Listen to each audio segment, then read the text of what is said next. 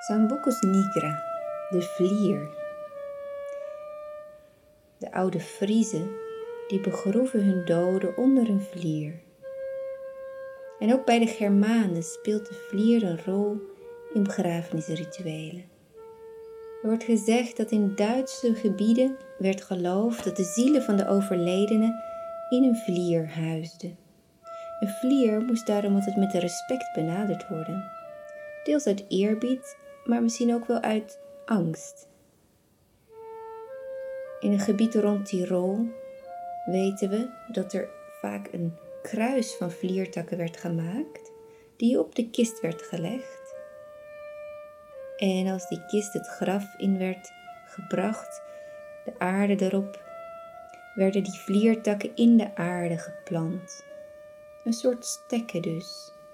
En als die stekken die vliertakken uitliepen, dan zei men dat de overledene zalig was geworden.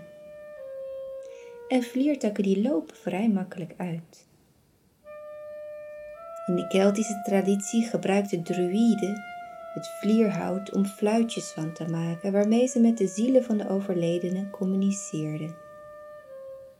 De vlier verbindt dus de werelden van de levenden met die van de doden. Zoals van veel bomen werd geloofd, want de vorm van een boom heeft altijd tot de verbeelding gesproken, lijkt wel, met die wortels in het ondergrondse, de stam op onze hoogte en de takken en kroon die naar de hemel reiken. Maar wat weten we er eigenlijk van, van het leven van de bomen? Van het leven en van de dood überhaupt? Er blijft genoeg mysterie.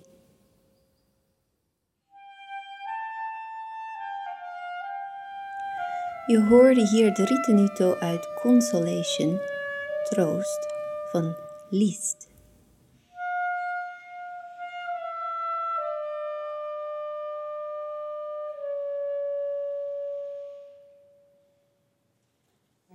Die wortels van de struiken en bomen, dat zit niet het ondergrondse werk, zeg maar, in de weg van de kisten. En, ja, ja.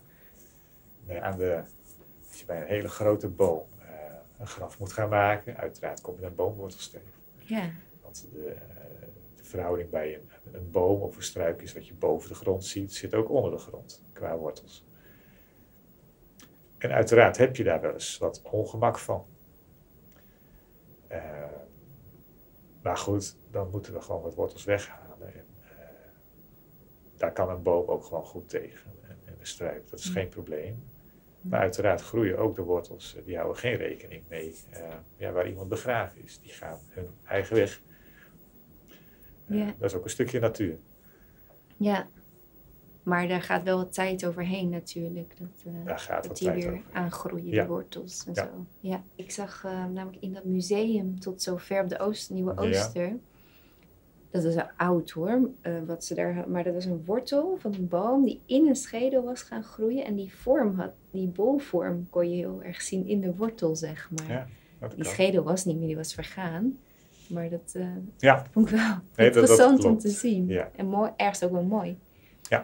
Een boom ja. haalt ook, ja, klinkt wat gek. Uh, dus toch dat stukje kringloop, de, de voeding, ook uit een, uh, een overleden mens. Ja. Uh, ja. Dus ja, hij groeit er ook een soort van naartoe. Oké, okay, ja. wat dat gaat, is het een heel natuurlijk iets. ook een boom gaat naar die plek waar, waar het voedsel zit, zeg maar. Voor hem of haar. En, en eigenlijk is een begraafplaats ook een heel vruchtbare plek misschien voor planten. Ja. Ja. ja.